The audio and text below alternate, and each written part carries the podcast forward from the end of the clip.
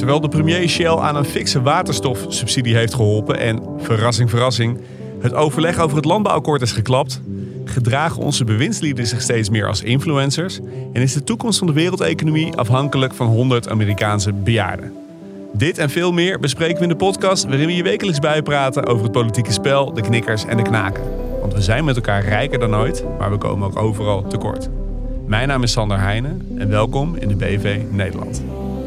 Volgens economen dreigt de Amerikaanse regering binnen twee weken al zijn rekeningen niet meer te kunnen betalen. Shell wil op de Tweede Maasvlakte de grootste groene waterstoffabriek van Europa bouwen. Liefst met steun van de overheid. Het kabinet ziet een landbouwakkoord als een hele belangrijke stap om de komende jaren toekomstperspectief te bieden aan boeren. In 2022 werd er 2,7 miljard euro uitgegeven aan personeel van buiten.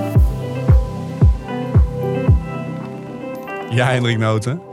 Weet jij nog wat uh, jou en eerlijkheidshalve ook mij werd aangevreven toen wij vorige week hier het pand verlieten?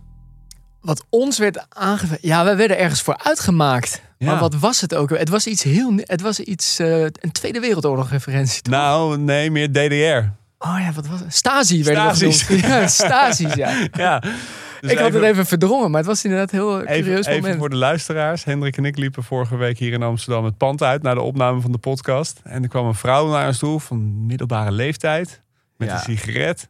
Beetje verward ook. Beetje verward. Wel heel vrolijk en vriendelijk. En die zei hij lachend tegen ons... hey, stelletje Stasi's. Stasi's, ja. Dan vroeg ik hem af... We worden wel eens van beticht dat wij linkse jongens zijn met deze podcast.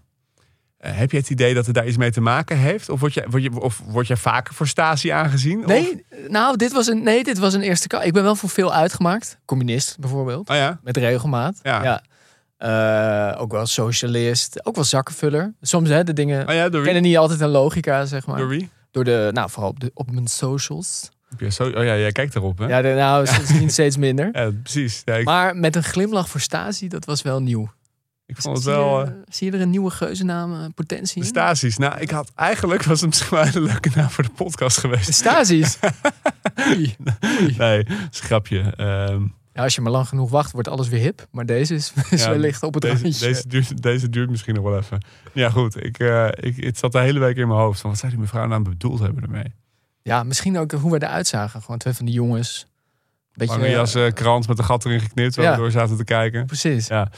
Oké, okay, uh, over Stasi's gesproken. Zo. Mark Rutte. Ja, dit vermoed al.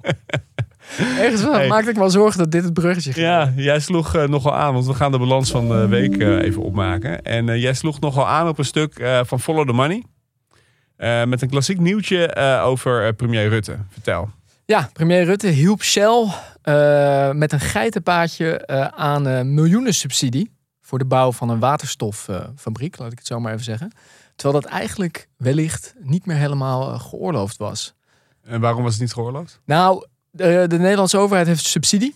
En uh, een van de belangrijke voorwaarden daarbij is dat je uh, alleen subsidie krijgt als zonder die subsidie het project er niet zou zijn gekomen. Eigenlijk is het gewoon ja, als je het zelf kan betalen. Ja, dus als jij een uh, stel, stel je bent een multinational. Stel je voor en je hebt stel je hebt 37 miljard euro winst per half jaar of per jaar. Wat, is, wat zijn de laatste cijfers? Ik weet het even niet, maar per kwartaal. Ja. Nou, die orde van grootte in ieder geval. Dan zou, het, zou je kunnen redeneren dat ze dat ook zelf kunnen bekostigen. Ja, dat zou je kunnen. Zou je kunnen Zou je kunnen redeneren, ja. Uh, en daar leek het ook op. Uh, Rutte kondigde de bouw van die waterstoffabriek aan, wat Shell zou gaan doen. Tevreden en trots. Maar ja, daarmee leek het erop. die subsidie was nog niet aangevraagd. Ja, als jij aankondigt dat je het gaat bouwen, dan lijkt het erop dat je gewoon van plan bent om het te doen. Ja. Shell boos, spijt. En nu blijkt uh, dat eigenlijk via de achterkamertjes Rutte en zijn ambtenaren uh, Shell toch geholpen hebben aan die subsidie in Brussel. En uh, wat hier natuurlijk wel tekenend aan is, is we hadden het vorige keer, maakte jij wat boos over dat in het klimaatbeleid we heel erg bezig zijn met de wortel, maar niet met de stok. Ja. En hier zie je toch een klein beetje wat er dan gebeurt. Als je de wortel alleen hebt, subsidies uitdeelt, dan loop je het risico dat partijen met de beste connecties, de grootste macht, dat die de snelste weg daarnaar ja. Het is gewoon de, de gevestigde belangen. Die kunnen mensen vrij spelen om te lobbyen om subsidies binnen te halen. En inderdaad, de nieuwkomers in de markt. Je wilt juist in die energiemarkt, zou je heel graag willen dat er nieuwe partijen opstaan die, die het echt heel substantieel anders doen dan hoe de grote oliereuzen altijd hebben geopereerd. En eigenlijk zou je subsidies daarvoor moeten reserveren. Om gewoon toegang tot die markt gewoon lager te maken voor, voor nieuwkomers die echt iets willen bijdragen aan de transitie. En niet het er een beetje bij doen, zoals Shell. Ja, en dit was daar wel een goed, uh, een goed voorbeeld van. Jou uh, viel ook iets op deze week? Beetje in hetzelfde thema? Nou, ik zag inderdaad een, een, een open brief, een brandbrief uh, van een opmerkelijk brede coalitie van, vanuit de milieubeweging, maar ook allerlei financiële partijen, zoals pensioenfonds ABP. En die hebben een oproep geplaatst in de krant en die hebben daarin gezegd dat de overheid moet stoppen met het subsidiëren van, van de fossiele industrie. He, dus um, uh, en wat eigenlijk de, de, de portée van die oproep is. He, je hebt een groep activisten gehad, waaronder uh, ABP Fossielvrij, wat een sublabel was van Fossielvrij Nederland. En een aantal andere uh, milieuorganisaties. En die hebben heel erg gelobbyd, bijvoorbeeld, bij pensioenfonds ABP, van ja, als, als grote pensioenbelegger, trek jullie geld terug uit die fossiele industrie. Ja. Want als jullie dat doen, hè, dan komen ze moeilijker aan kapitaal. En dan uiteindelijk loopt dan misschien een verdienmodel ook eerder dood. Nou, dat is op zich natuurlijk een hele goede uh, uh, actie geweest. En zelfs zo goed dat op een gegeven moment ze bij ABP zeiden: ja, jullie hebben gelijk. Dus wij stoppen met onze investeringen in fossiel. Maar nu, dat vind ik dus heel interessant, dat een aantal van die grote financiële partijen die uit fossiel zijn gestapt, nu samen met die activisten, die dus eerst met elkaar fitty hadden, die richten zich nu samen op de overheid en zeggen ja.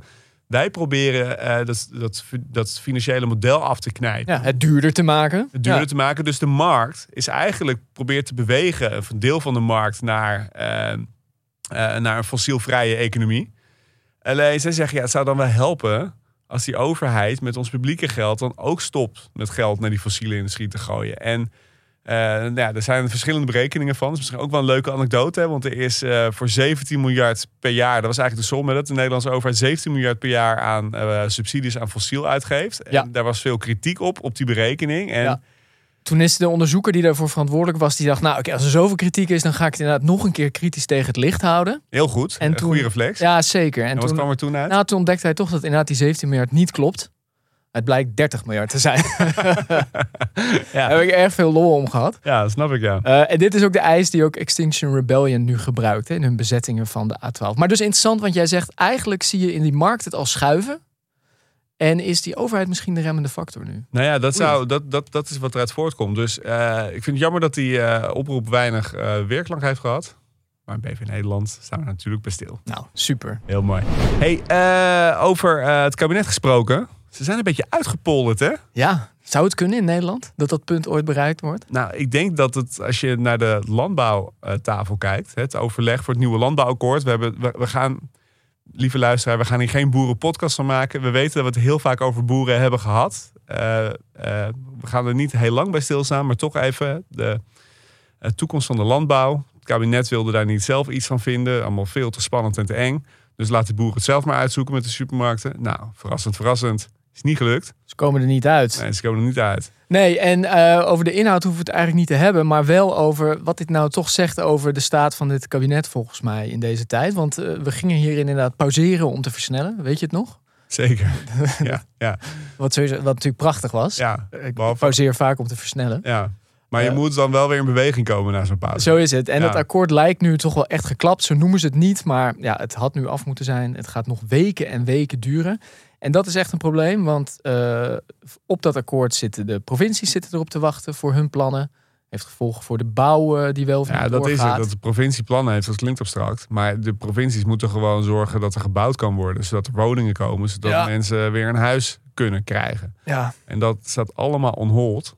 Uh, zolang, die, ja, zolang er geen oplossing komt voor het stikstofprobleem. Nee, dus is eigenlijk een beetje de vraag: is het dan toch niet tijd? En ik weet dat jij er niet voor was om hier wat hardere keuzes op een gegeven moment in te maken. Iemand moet een keer iets doen. Ja, ik was er niet voor om dit aan de boeren te delegeren. Oké, okay. oh, nee. Ik ben er juist heel erg voor dat uh, over, want dit gaat over ons allemaal. Het gaat over ons voedsel, over hoe we ons land inrichten. Ik vind juist dit, dit gesprek over de toekomst van de landbouw hoort plaats in het hart van de democratie, dus in de Tweede Kamer. En uh, nou, het kabinet uh, wilde daar uh, geen moeilijke, zware besluiten innemen. Dus hebben ze gezegd, laten we het gewoon aan die sector zelf over. Nou, die hebben nu bewezen dat zij er onderling niet uitkomen. Dat ze dit niet kunnen. Dan moet je door. Dus dan lijkt het mij dat die route gewoon afgesneden is. En misschien is het ook wel weer tijd om de minister van Landbouw te, te wisselen. Want die Piet Adema, dat is toch ook niet de man van de grote visies? Gewoon Piet. Gewoon Piet. Ja, gewoon Piet. Maar eh, weet je, die wil dan heel, die wil heel graag aardig gevonden worden door boeren. Ja, En dat lukt hem niet. nee. Dus hij kan, weet je, wisselen en zet er gewoon een visionair neer die gewoon zegt: zo gaan we de landbouw de komende 30 jaar duurzaam maken. En eh, dan zijn de kaders maar helder. En natuurlijk komt er dan nog wat gekrakeel. Maar daar moet je gewoon soms even doorheen als samenleving. Nou, we gaan het zien. De polderroute lijkt in ieder geval behoorlijk opgedroogd. Ja, en dan nog heel even kort, hè, want dat, dat vloeit een beetje uit voort. Eh, de huizenmarkt. Ja, Is het zo dat de huizenprijzen, de daling daarvan, die zet wel door? goed nieuws voor iedereen die een huis zoekt. Als je geld hebt. Oh. Ja. Nee, dus, dus de huizen worden steeds minder waard, maar de rentes blijven verder oplopen. Dus eh, de betaalbaarheid van de woning. Hè, dus je kijkt natuurlijk niet per se naar hoeveel kost die woning. Want de meeste starters kunnen geen 4 ton op tafel leggen om een huis te kopen. Maar hoeveel hypotheek kan ik betalen? Ja. En omdat die eh, hypotheekrente steeds hoger wordt, krijg je gewoon een steeds kleiner deel lenen. Dus in die zin heb je er nog niet zo heel veel aan. Dus we hebben nog steeds een, een woningtekort, ondanks dat de huizenprijzen dalen. Ja, dat. eigenlijk. En tenzij je dus, als je veel cash hebt, dan is het gunstig. Als je net een woning hebt gekocht, dan word je natuurlijk onrustig eh, van deze daling. Eh, maar uiteindelijk, eh, wat een nog groter probleem is, is dat eh, doordat die prijzen dalen, heel veel grond voor, waarop gebouwd zou moeten worden, dit jaar, volgend jaar, is natuurlijk al uitgegeven, is al verkocht. En die grond is eigenlijk voor te veel verkocht op basis van de huidige huizenprijzen. Dus dan kan het niet meer uit om daar een huis op te bouwen. Dus stel je hebt als, als, als eh, eh, vastgoedondernemer heb je becijferd van nou, ik kan hier voor 5000 euro per vierkante meter woningen realiseren. Hè, grond, eh, bouwkosten enzovoort. En ik kan ze voor 6000 euro per vierkante meter verkopen. Dan heb ik een business case. Dan Ja. verdien ik er geld aan. Maar omdat die huizenprijzen nu aan het dalen zijn en de inflatie, dus de materiaalkosten en loonkosten stijgen, kan het best zijn dat die kostprijs 5200 per vierkante meter wordt, terwijl die opbrengst maar 5000 per vierkante meter is. Nou, als je dan dus een verlies maakt, ja, dan ga je dus niet bouwen. Ga je wachten. En dus heeft eh, tada, tada, tada, Daar is hij. Hugo de Jonge Favoriete piñata. heeft een probleem, want de nieuwbouw lijkt eh, stil te vallen. En hij heeft het nu ook erkend.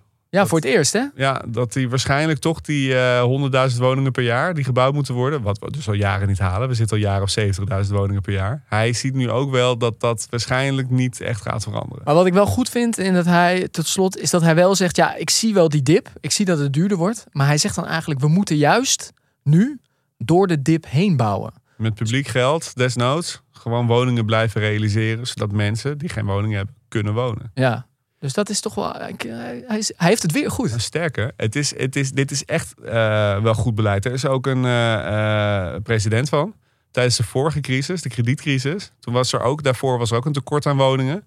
En toen, omdat er een monetair probleem was bij banken. eh, die verstrekten gewoon even niet of weinig geld. Daardoor viel ook de vraag even weg. Omdat mensen eh, geen huis durfden te kopen. Nou, in Amsterdam hebben ze toen dat gewoon aan de markt gelaten. En daar is dus niet gebouwd. En daar kwam toen de eh, bankencrisis opgelost was, die vraag veel harder terug op minder woningen, omdat er niet gebouwd was. Dus schoot, schoten die huizenprijzen daar heel snel de lucht in. In Rotterdam zat een wethouder, eh, die is blijven doorbouwen in die tijd.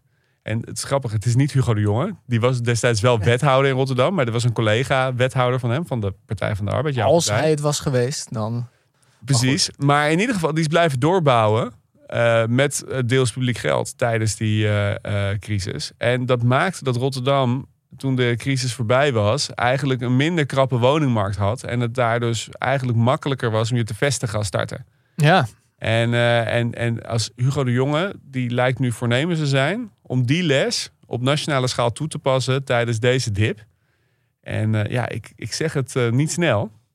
Maar ik denk dat we daar ons, eh, onze hoed eh, voor moeten afnemen dat hij dat durft. En misschien, misschien, kijk, het resultaat hiervan zie je pas over tien jaar of dat gewerkt heeft. Dus dan is hij al lang iets anders aan het doen. Maar misschien dat hij dan wel een klein standbeeldje krijgt.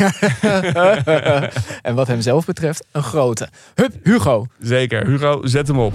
Oké jongen, Eh, laten we dan naar ons eerste hoofdonderwerp gaan van deze week. En wij, jij wilde het heel graag hebben over onze regering.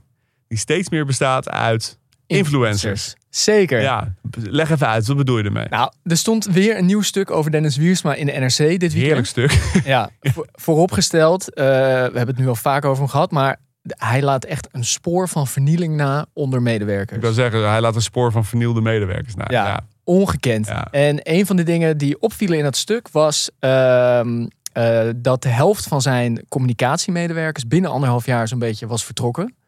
Nou, dan moet je al je best doen. Ja, en eh, hij had er vrij veel, hè? Maar wat inderdaad vooral opviel, was dat hij er 19 had. 19 communicatiemedewerkers. Dat is, best, dat is natuurlijk best wel veel. Als st- ik weet het niet, hè? Maar als jij 19 communicatiemedewerkers nodig hebt, zou dat dan betekenen dat je zelf gewoon niet zo goed bent in communiceren? Ik weet het niet, maar volgens mij is het daar dus interessant. Op dat, ik wilde even benoemen, hè, het belangrijkste uit dat stuk is niet dat hij er 19 had, maar dat gewoon de helft dat hij die heeft Ja, gesloopt. Laten we dat even voorop stellen. Ja. Maar toch komt de vraag op inderdaad, waarom heeft een minister eigenlijk zoveel communicatiemedewerkers? En ehm, eh, Wessel van de redactie hier, die is even in de cijfers gedoken. En wat blijkt, dit is geen uitzondering. Voor de hele overheid geldt eigenlijk dat er de afgelopen jaren alleen maar een toename en toename van communicatiemedewerkers is geweest. Zo'n beetje van de afgelopen vijf jaar kwam er jaarlijks zo'n 60 FTE bij. De Rijksoverheid. Bij de Ja, Rijksoverheid. dus, dus, dus alleen in Den Haag bij die ministerie. Van Den Haag. Ja, Van dus- het communicatieapparaat van Den Haag. Dus je zou denken dat het op zich, als je er vier, vijf per ministerie hebt, ik zou denken, daar ben je er wel qua communicatie. Ja, Maar er komt dus gewoon dat aantal per jaar bij. zo'n beetje wel, ja. Ja. Elk jaar, ja.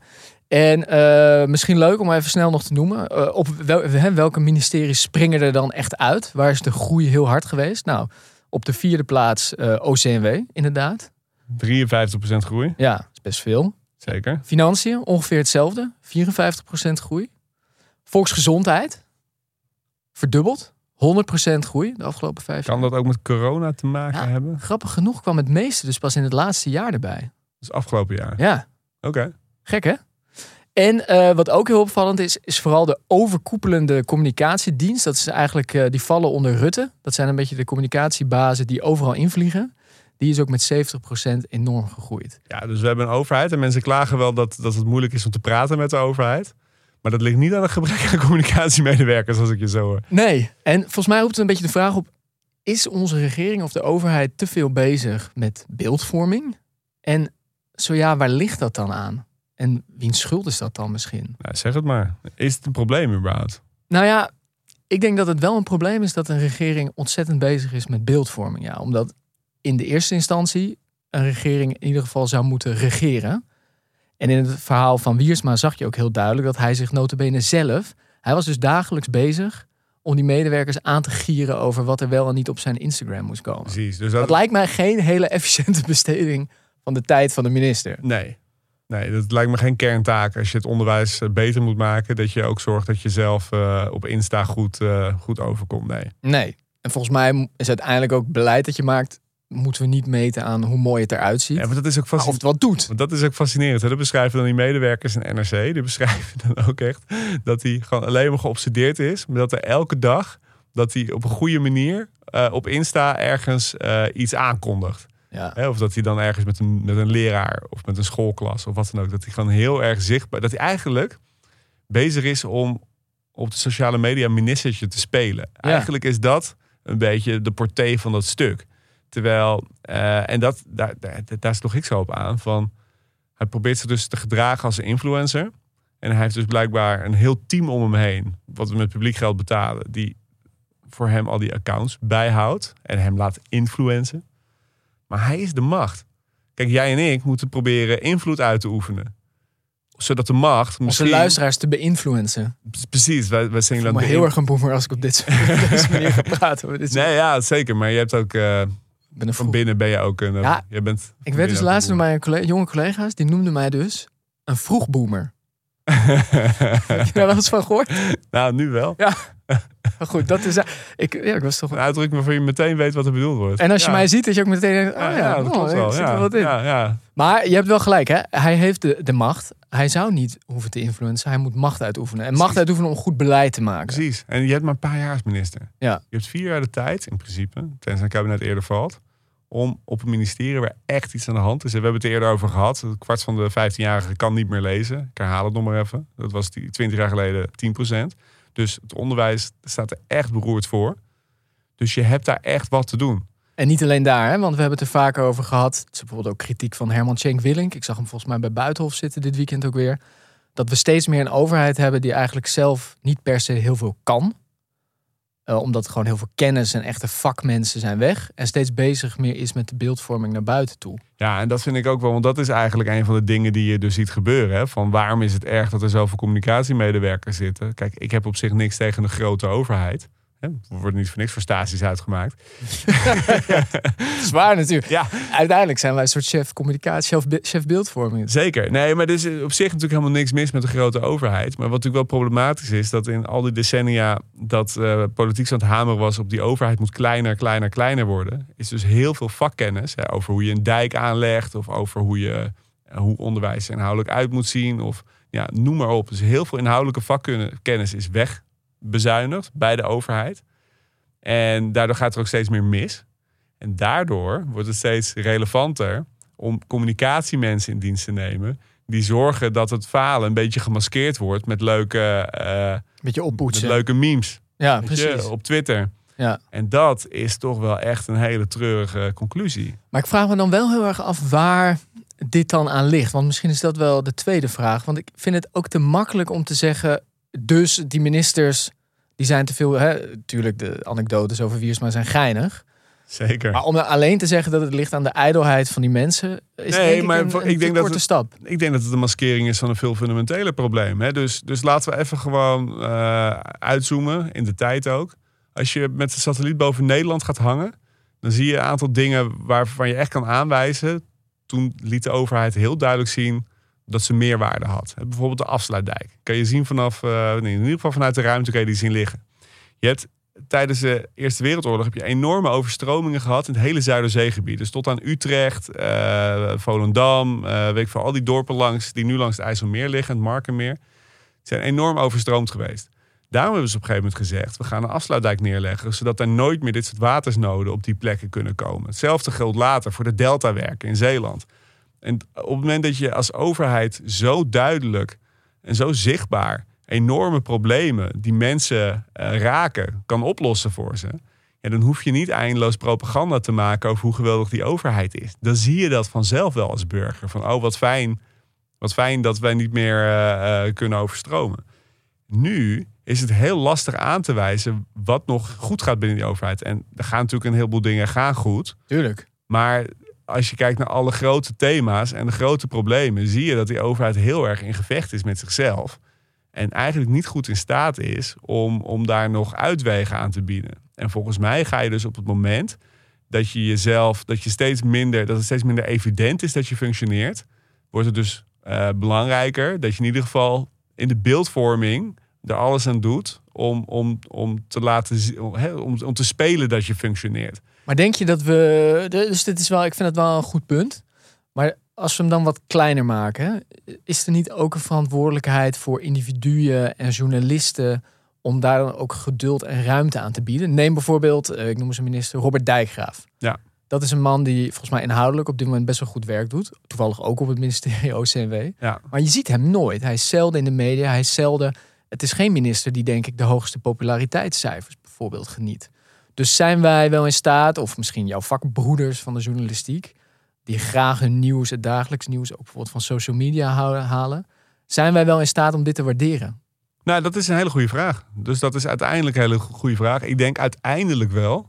Als je uiteindelijk naar de grote uh, naar de rapportcijfers gaat kijken die ieder jaar worden uitgedeeld aan bewindslieden en de, de, de, de, het handjevol journalisten die echt die departementen volgt, dan denk ik dat het uiteindelijk wel gezien en gewaardeerd wordt. Alleen, je hebt gewoon gelijk dat een heel groot deel van de parlementaire pers... die zijn inderdaad alleen maar bezig met politieke relletjes... en met spins en met gewoon de waan van de dag... Hè, zoals uh, Rob Wijnberg dat altijd noemt. En, en, en dat werkt natuurlijk ook in de hand. En dat heeft ook te maken met een medialandschap, een mediacultuur... waarin Precies. je gewoon heel weinig tijd hebt om... Uh, iedereen wil de eerste zijn... Dus dat is natuurlijk een risico. Dus je mag niet iets missen. En de eerste van wat maakt eigenlijk niet uit. Nee, als je maar de eerste Als bent. je altijd maar gewoon de eerste bent die, eh, die iets ergens over heeft, ophef. En dan heb je meer kliks en dan kun je meer advertenties verkopen online. Dat is gewoon toch voor heel veel media het model. En dat is in die zin is het een heel schadelijk model. Want het, is een, het levert een perverse prikkel op die maakt dat het voor Dennis Wiersma Eh, maar er zijn er veel meer. Eh, zo'n Jezielkus vind ik ook zo'n Nee, mooi precies. Hè? De trend is door de hele overheid heen. Ja. Precies, dat het, dat het loont om, eh, om elke dag een besluit aan te kondigen en daar stoer mee te doen. Want dan kom je daadkrachtig over. Terwijl we weten, nou, de toeslagenaffaire is natuurlijk een schoolvoorbeeld van politici die daadkrachtig willen overkomen. En, en daarmee gewoon het leven van 30.000 gezinnen totaal hebben ontwricht. Ja. Dus, dus, dus het is een probleem dat je niet alleen aan die politiek kan toeschuiven. Tegelijkertijd, het is wel hun verantwoordelijkheid. Het is gewoon hun verantwoordelijkheid als jij minister bent, als jij de macht bent, om die macht goed te gebruiken. Tuurlijk, vooropgesteld. En als jij dan een paar uur per dag bezig bent met jouw communicatiemedewerkers te koeieneren vanwege een tekstje eh, dat naast een eh, foto voor Instagram is bedoeld. Ja, ik denk dat je je prioriteiten dan niet op orde hebt. Nee, nee, dat ben ik met je eens. Zou dan tot slot, eh, Sander Schimmelpenninck zag ik roepen, doe gewoon een social media verbod voor alle, voor alle bewindslieden. Is zoiets dan? Ja. Ja, voor een liberaal wordt hij best wel vaak shit verbieden. Ja, het is wel opvallend genoeg. Ja. Eh, nou ja, Maar ik ben... voor een column interessant, maar het probleem gaat natuurlijk wel iets dieper dan dat. Maar Nee, natuurlijk is het probleem dieper. Maar het is wel, de gedachte is natuurlijk wel goed. Maar het zou, eh, bij voorkeur zouden ze gewoon zelf denken. Weet je, misschien zouden ze zelf gewoon allemaal wat meer naar dijkgraaf moeten kijken. En weet je, je moet als minister gewoon consciëntieus goed beleid maken. ja, En dan, je hoeft niet, weet je, je hoeft ook niet nu gewaardeerd te worden. Kijk, Hugo de Jonge die krijgt zijn standbeeldje ook pas over tien jaar. wees zoals Hugo. Is dat eigenlijk het advies Ja, iedereen? like Hugo. Nou, Hugo like is natuurlijk ook een voorbeeld van iemand die veel te ijdel is geweest toen hij op VWS zat. Ja. Maar ik heb het idee dat hij er wel van geleerd heeft. Dat Ja, hij nu meer in de looten probeert te werken. Ik zou het heel leuk vinden, dat tot slot, misschien heel veel zijstap, dan moeten we door, om hem een keer eh, te interviewen. Maar goed, dat terzijde. Ik zou hem heel graag een keer te gast willen hebben hier. Nou, eh, Hugo, als je luistert, Ja, echt. Open Ja. uitnodiging. noemen we die aflevering de Gouden Piñata. Ja. Oké jongen, dan gaan we het zo hebben over hoe het lot van de wereldeconomie in de handen ligt van 100 Amerikaanse bejaarden. dat, is- dat is ja, geruststellend. Oké, we gingen het hebben over ehm 100 Amerikaanse bejaarden die eh, het lot van de wereldeconomie in hun handen hebben. Even eh, de aanleiding. Er is de Verenigde Staten is er iets met het schuldenplafond. Leg even uit. Ja, heel erg in het kort. De Amerikaanse overheid, eh, de staatsschuld, dat zit een bepaald plafond aan, een maximum. En de overheid mag eigenlijk niet door dat plafond heen zonder goedkeuring van het parlement, van het Huis van Afgevaardigden.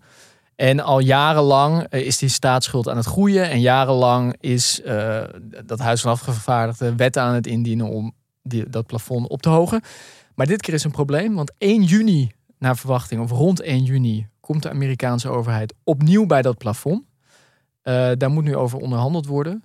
Alleen zit er een groep republikeinen in het huis dit keer die niet zomaar van plan is om daarmee in te stemmen. Ehm, en mocht dat schuldenplafond niet worden opgehoogd, dan heeft dat toch waarschijnlijk behoorlijk grote consequenties voor ons allemaal. Ja, want dat eh, betekent dat Amerikanen hun eh, leningen op een staatsschuld niet kunnen aflossen. Hè, want die leningen moeten om de zoveel tijd worden ververst. En dan ben je technisch failliet. Dus dat zou betekenen dat de Verenigde Staten technisch failliet is. En dan denk je, ja, boeien, eh, dat is daar. Wij zijn de BV Nederland. Maar Amerika, en vooral de Amerikaanse dollar, is de reservevaluta van de wereld, reservemunt. En eh, als eh, het land dat de reservemunt heeft technisch failliet gaat, dan neemt ze vertrouwen in die munt weg, eh, valt dan weg. En dat heeft enorme consequenties voor de hele wereldeconomie. Dan raakt iedereen in paniek, beurzen raken dan in paniek, eh, landen raken in paniek, beleggers raken in paniek. En uiteindelijk kan dat tot, eh, ja, tot, tot schokken leiden, waarvan we heel moeilijk van tevoren kunnen overzien wat die precies gaan doen. Maar zeker is dat we dan, eh, ja, dat we dan gewoon een enorme crisis tegemoet gaan. En Ja. daar gaan wij dan ook in Nederland, juist in Nederland met onze open economie, heel veel last van krijgen. En we dachten, het is toch goed om het daar eens even over te hebben. Ja, wat ik even wil benoemen, waarschijn- waarschijnlijk bij de aftrap, is dat je eh, kan denken, ehm, ja, wa- waarom zouden ze hier niet uitkomen, deze politici? Ja, dat is wel een goede vraag. Want als het, even, het is namelijk het land dat er het meeste last van heeft, is de Verenigde Staten zelf. Precies. Precies, die zijn het eerste en zwaarste lul als Ja. gebeurt. En wat, wat er gebeurt in dat Huis van Afgevaardigden is dat we hebben eh, die verkiezingen daar gehad een tijd geleden. En er zit daar een hele radicale fractie. Zit eigenlijk in, die, eh, in dat republikeinse deel van het huis. En eh, de voorzitter van de Republikeinen, eh, die is alleen voorzitter kunnen worden. Dat was toen een hele soap. Kevin McCarthy. Hoeveel stemmingsronden waren Ja, heel veel. Heel veel. Echt een vernedering voor hem. Alleen met hun steun. En die steun had eigenlijk één voorwaarde. Dat ze hem op ieder moment kunnen ontslaan. Ze kunnen hem altijd ontslaan. Ja. En eh, als het schuldenplafond straks verhoogd moet worden, eh, dan is er eigenlijk een simpele eis van deze radicale fractie, namelijk dat president Biden gewoon met alles moet stoppen wat hij nu doet. Precies, want, want eigenlijk in feite het is het equivalent dat het kabinet steun van, van Forum, van Pepijn van Houwelingen Zo nodig heeft eh, om ook maar iets te kunnen doen nog. Precies. En dan, en dan geef je dus een paar van dat soort hele radicale figuren, geef je dus de macht om alles te vetoen. Dat is in feite de situatie zoals die daar nu voor ligt. Precies. Dus dat is denk ik interessant, want we hebben die dollar, dat is de wereldmunt. Eh, we handelen erin, eh, landen hebben er reserves in. Die kan helemaal waarde verliezen als de VS failliet gaat. En de groep die daarover gaat, daarom benoem ik het even, Dat is net een gek. zijn echt knettergek. echt knettergek. Ja. Eh, dus volgens mij is dat belangrijk om, eh, dat belangrijk om even te benoemen. Wat, hoe kan het nou dat die dollar de wereldreserve is? Ja, dus, dus eh, uiteindelijk is het voor zowel landen als bedrijven, het is handig. ehm, je hebt altijd een reservemunt. En het is niet zo dat je van tevoren, dat er een vergadering is van we gaan die of die munt de reservemunt maken. Nee, er wordt niet voor gestemd of zo. Zeker niet. En er zijn ook geen afspraken liggen eronder. Maar eh, landen houden altijd de voorraad buitenlandse valuta aan. Om wisselkoersschommelingen in eigen land te kunnen opvangen. Om eh, investeringen te kunnen doen. Om lopende kosten te kunnen hebben.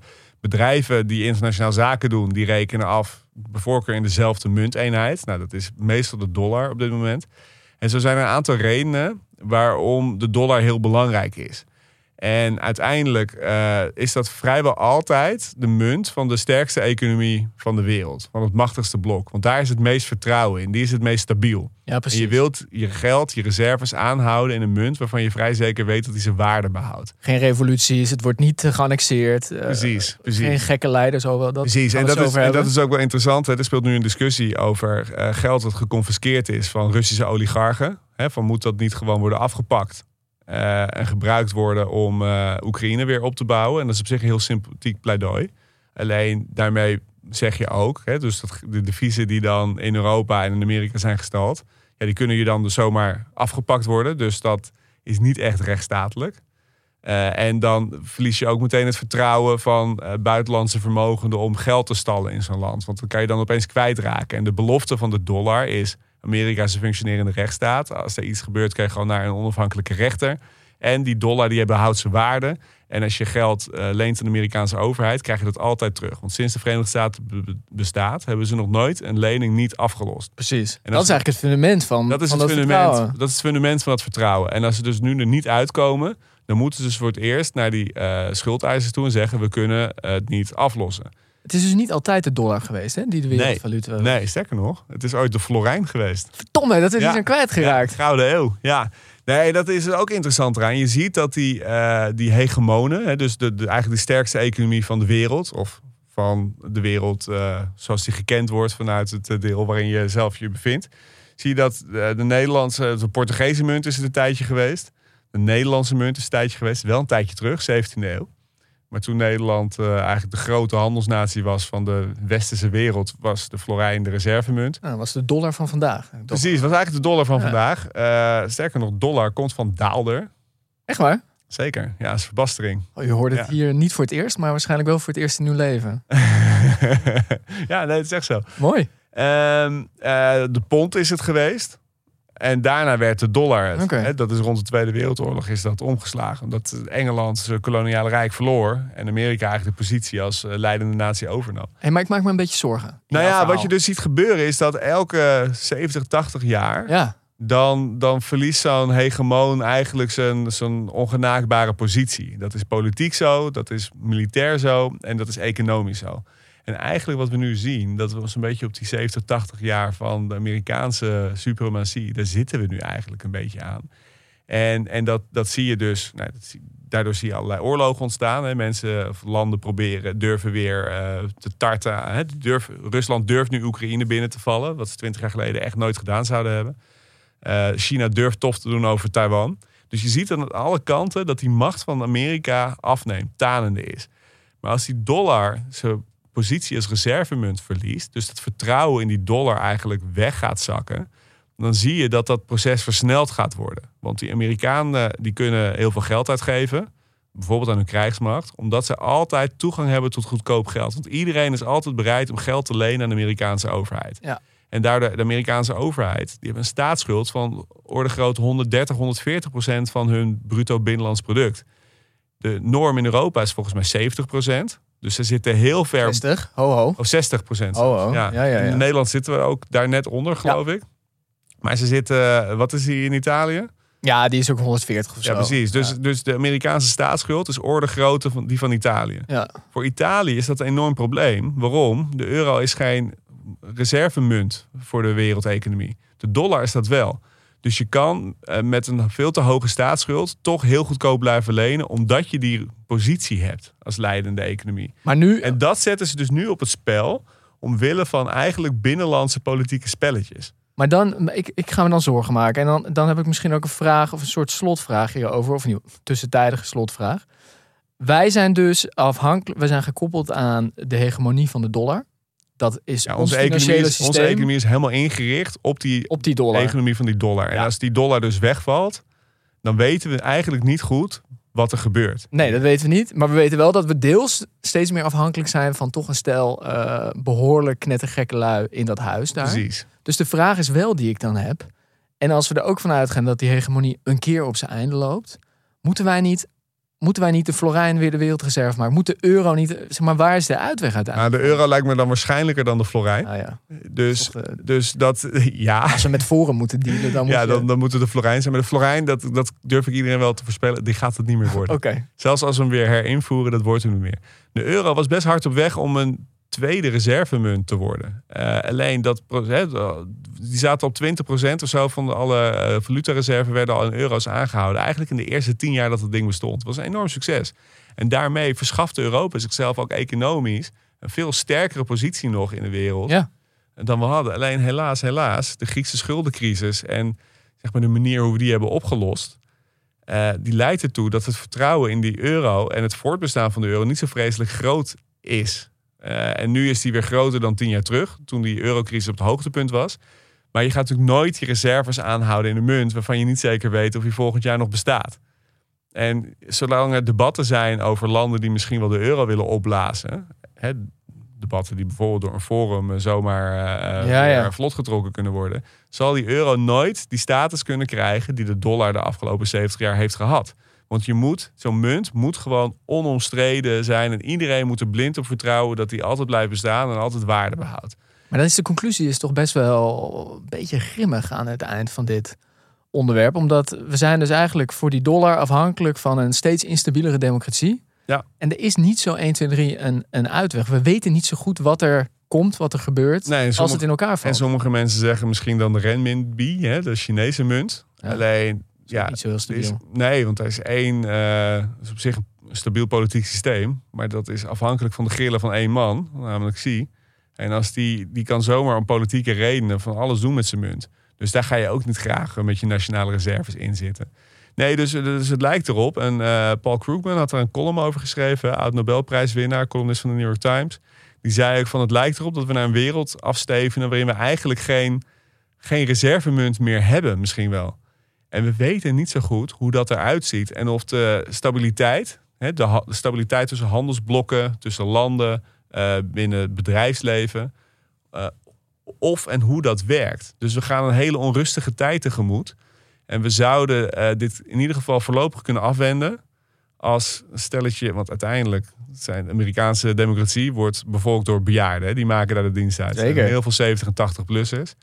Ja, we worden gewoon, we zijn afhankelijk van of zij nog genoeg verstand en verantwoordelijkheid eh, hebben. En niet te veel in allemaal filterbubbels zijn getrokken. eh, waardoor ze allemaal rare besluiten nemen. Als vroegboemer kan ik zeggen, met de leeftijd word je daar wel gevoeliger voor. Ja, zeker. Nee, daarom moet je. Daarom, kijk, Sander Schimmelpenning zou een column moeten schrijven over dat je gewoon boomers de toegang tot sociale media moet Ja, ja, ja, Want die zijn het meest gevoelig voor die Excuus aan alle luisteraars op leeftijd. Zeker, ja. Oké, het wordt spannend, want de komende dagen, er wordt in ieder geval onderhandeld. Misschien komen ze er wel uit en wordt het nu weer even afgewend. Maar dan zal dat over een jaar of wellicht weer eerder gewoon nog een keer beginnen. ja. En mochten ze er niet uitkomen, Dan merken we dat straks allemaal vanzelf. Wat die?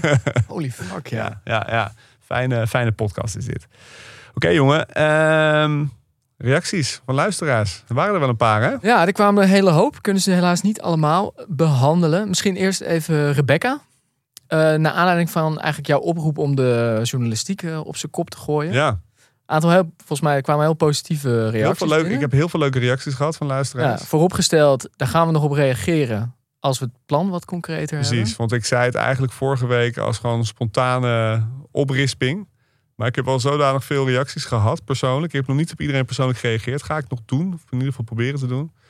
Maar ik ga er toch eens wat serieuzer over nadenken hoe zo'n plan eruit zou kunnen zien. Dus daar komen we op terug. Daar komen we op terug. Daar nu even inhoudelijk, eh, hou je nog heel even dat geheim. Nou, het helpt wel als het plan er ook daadwerkelijk is om er iets over te zeggen. Dus Rebecca, daar komen we echt eh, zo snel mogelijk op terug. En dan kwam er ook nog een reactie van Mark binnen. En eh, die vond ik wel terecht, wilde ik even op terugkomen. Hij sloeg een beetje aan op eh, mijn vrolijke noot vorige week. Oh, kijk, nee, dan snap ik dat jij daar op terug Ja, waarin ik ook vrij positief was over China. En de ontwikkeling van duurzame energie daar. Ja. En hij zei ja, vind het toch opvallend. Want ja, China is tegelijkertijd ook een ongelooflijk vervuilend land. En gaat ook tekeer buiten de landsgrenzen in Afrika en Zuid-Amerika. eh, waar zich nergens druk om lijken te maken. En daar heeft Mark natuurlijk helemaal gelijk in. Eh, wat ik vooral positief vond aan China was de ontwikkeling van hun duurzame energie-industrie. En dat dat een soort race, competitie eigenlijk met Europa en Amerika ontketent die de goede kant op gaat. Daarmee wil ik helemaal niet zeggen Dat ze er al zijn. dat ze er al zijn Nee. of dat alle vervuiling ook is opgelost. Dus ik zou die twee even. Het, het ging maar echt eventjes om die industriële ontwikkeling. Dus Mark, heel goed punt en ook een kleine terechtwijzing. Heel goed, Mark. Want ik mag op de vrolijke nooit nooit eh, iets eh, cynisch of kritisch terugzeggen. Maar ik ben heel blij dat jij dat wel doet. Hij me terecht heeft En geweest. dat gezegd hebbende, ik hoor hem weer aankomen. Ding, ding, ding. De vrolijke noot. Ja, ik wilde naar eh, Aruba. Oh, wil ik ook wel een. Ja, ja. Ehm, eh, daar kwam het bericht naar buiten dat eh, het parlement daar bezig is om eh, een aanpassing van de grondwet voor te bereiden. Waarin ze in de grondwet de natuur in het eiland ook een wettelijke status gaan geven. Wat goed. Ja, en de wettelijke status om eigenlijk voor te bestaan en zich ook te kunnen ja, regenereren, vernieuwen. Hoe Ja, noem je dat in het ja. Nederlands? Ehm, en als dat lukt, dan krijgt dus de natuur een wettelijke, grondwettelijk beschermde status. Dat is En- allemaal binnen het Koninkrijk der Nederlanden. ja, en dan staat er in de tekst stond, Aruba is dan inderdaad het tweede land na Ecuador eh, wat dat doet. Oké jongen, nou dat, eh, dat lijkt mij mooi. Ik ben benieuwd Ehm hoeveelste land Nederland wordt eh, Wat op dat die doet. lijst. ja. Ik denk dat de boys van de Farmers Defense Force hier nog wel het denk, een en ander van ik denk vinden. als wij 178 eh, d- halen, dat we dat heel netjes doen. Dan schudden we elkaar tevreden de hand. Oké jongen, nou, voor het zover is kunnen we nog wel een paar podcastjes maken. Maar dat gaan we niet meer vandaag doen. Dus eh, het lijkt me tijd eh, dat jij gaat zeggen dat. Zeg dank voor het luisteren. Volgende week, dan zijn we er weer. Eh, heb je vragen of tips waar we het over moeten hebben? Of ben je kritisch op mij, zoals Mark, of liever op Sander? Ehm, dat kan door te mailen. bvnederland.creator-podimo.com. Staat ook in de show notes. Of zoek ons op. Instagram, de DM's staan hartstikke open bij BV Nederland. Of op LinkedIn, het mag ook direct. Hendrik Noten, Sander Heijnen. Deel de aflevering vooral met anderen. We zijn altijd ernaar op zoek. En tot slot zeg ik, als je nou iets wil wat er af en toe nog iets meer de beuk in gooit dan wij, luister dan naar Waanzinnig Land van Johan Frets. Bijvoorbeeld vorige week over hoe D66 omgaat met integriteitskwesties. En ik, spoiler alert, het is niet zo heel best. Oké. Nee, het is echt niet heel best. nou, dan denk ik dat Johan daar wel iets, eh, iets moois van kan maken. Zeker. Daarmee gezegd, tot volgende week. Tot volgende week, jongen.